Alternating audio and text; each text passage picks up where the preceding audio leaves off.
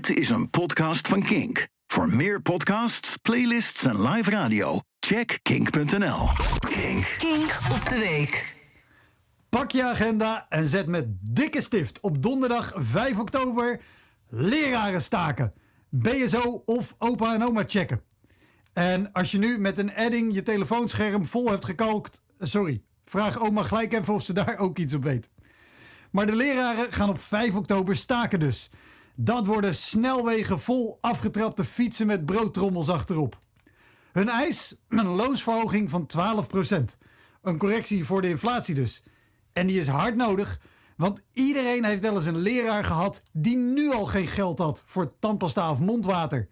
Die ene leraar waarbij elke uitleg rechtstreeks uit de GFT-bak lijkt te komen.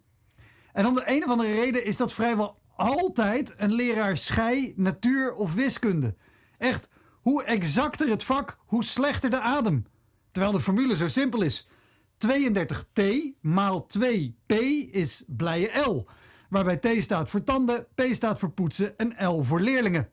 Maar ja, dat poetsen, dat schiet er wel eens bij in. Als je om rond te komen, s ochtends voor school nog even een krantenwijk doet. Snap ik. Het kabinet is altijd vol begrip voor bestuurders die enorme salarissen en miljoenen bonussen krijgen. Dat is nodig om te voorkomen dat ze naar andere bedrijven of andere landen gaat. En dat het daarbij vaak om bedrijven gaat die hun winsten en bijbehorende belasting afdraagt al lang naar andere landen sturen, dat doet er dan even niet toe. Nou zitten we nu al met een gigantisch lerarentekort. Dus volgens de eigen logica trekt het kabinet natuurlijk zonder morren de spreekwoordelijke poeplap om goede leerkrachten te behouden en meer mensen over te halen om te kiezen voor het onderwijs. natuurlijk niet. Onderwijs heeft geen aandeelhouders, geen investeerders en geen lobby. En dan kan je van het kabinet alles krijgen, zolang het maar de Rambam, het Lab of de Tering is. De werkdruk in het onderwijs is, is al jaren ongekend hoog. En door de stress zijn leraren zo afgestompt dat ze zich met plezier lieten afkafferen door ex-minister Wiersma, omdat dat de enige manier was om nog iets te voelen. En als je nu denkt, ja, maar die leraren die hebben superveel vakantie, ze moeten niet zo zeiken. Praat eens met een juf of meester. Echt het enige andere beroep waar medewerkers ook zoveel overuren maken, is kledingnaaier in Cambodja.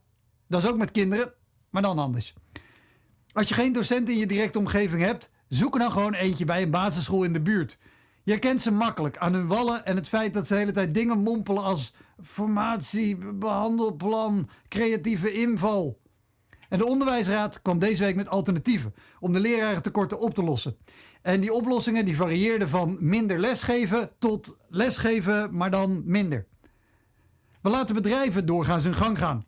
Belasting ontwijken, milieu vervuilen, exorbitante bonussen, allemaal best, want goed voor het vestigingsklimaat. Maar wat heb je aan een goed vestigingsklimaat als er geen personeel te vinden is met een fatsoenlijk opleidingsniveau? Wij kunnen zelf kiezen of we een land willen zijn dat miljarden korting geeft aan bedrijven die toch al veel verdienen, of een land dat investeert in onderwijs voor onze kinderen. En als we blijven kiezen voor het eerste, dan kunnen onze kinderen straks ook niet veel meer dan met stiften kliederen op een scherm. Bedankt voor het luisteren naar deze Kink podcast. Abonneer je op deze podcast via de Kink app en wees altijd op de hoogte.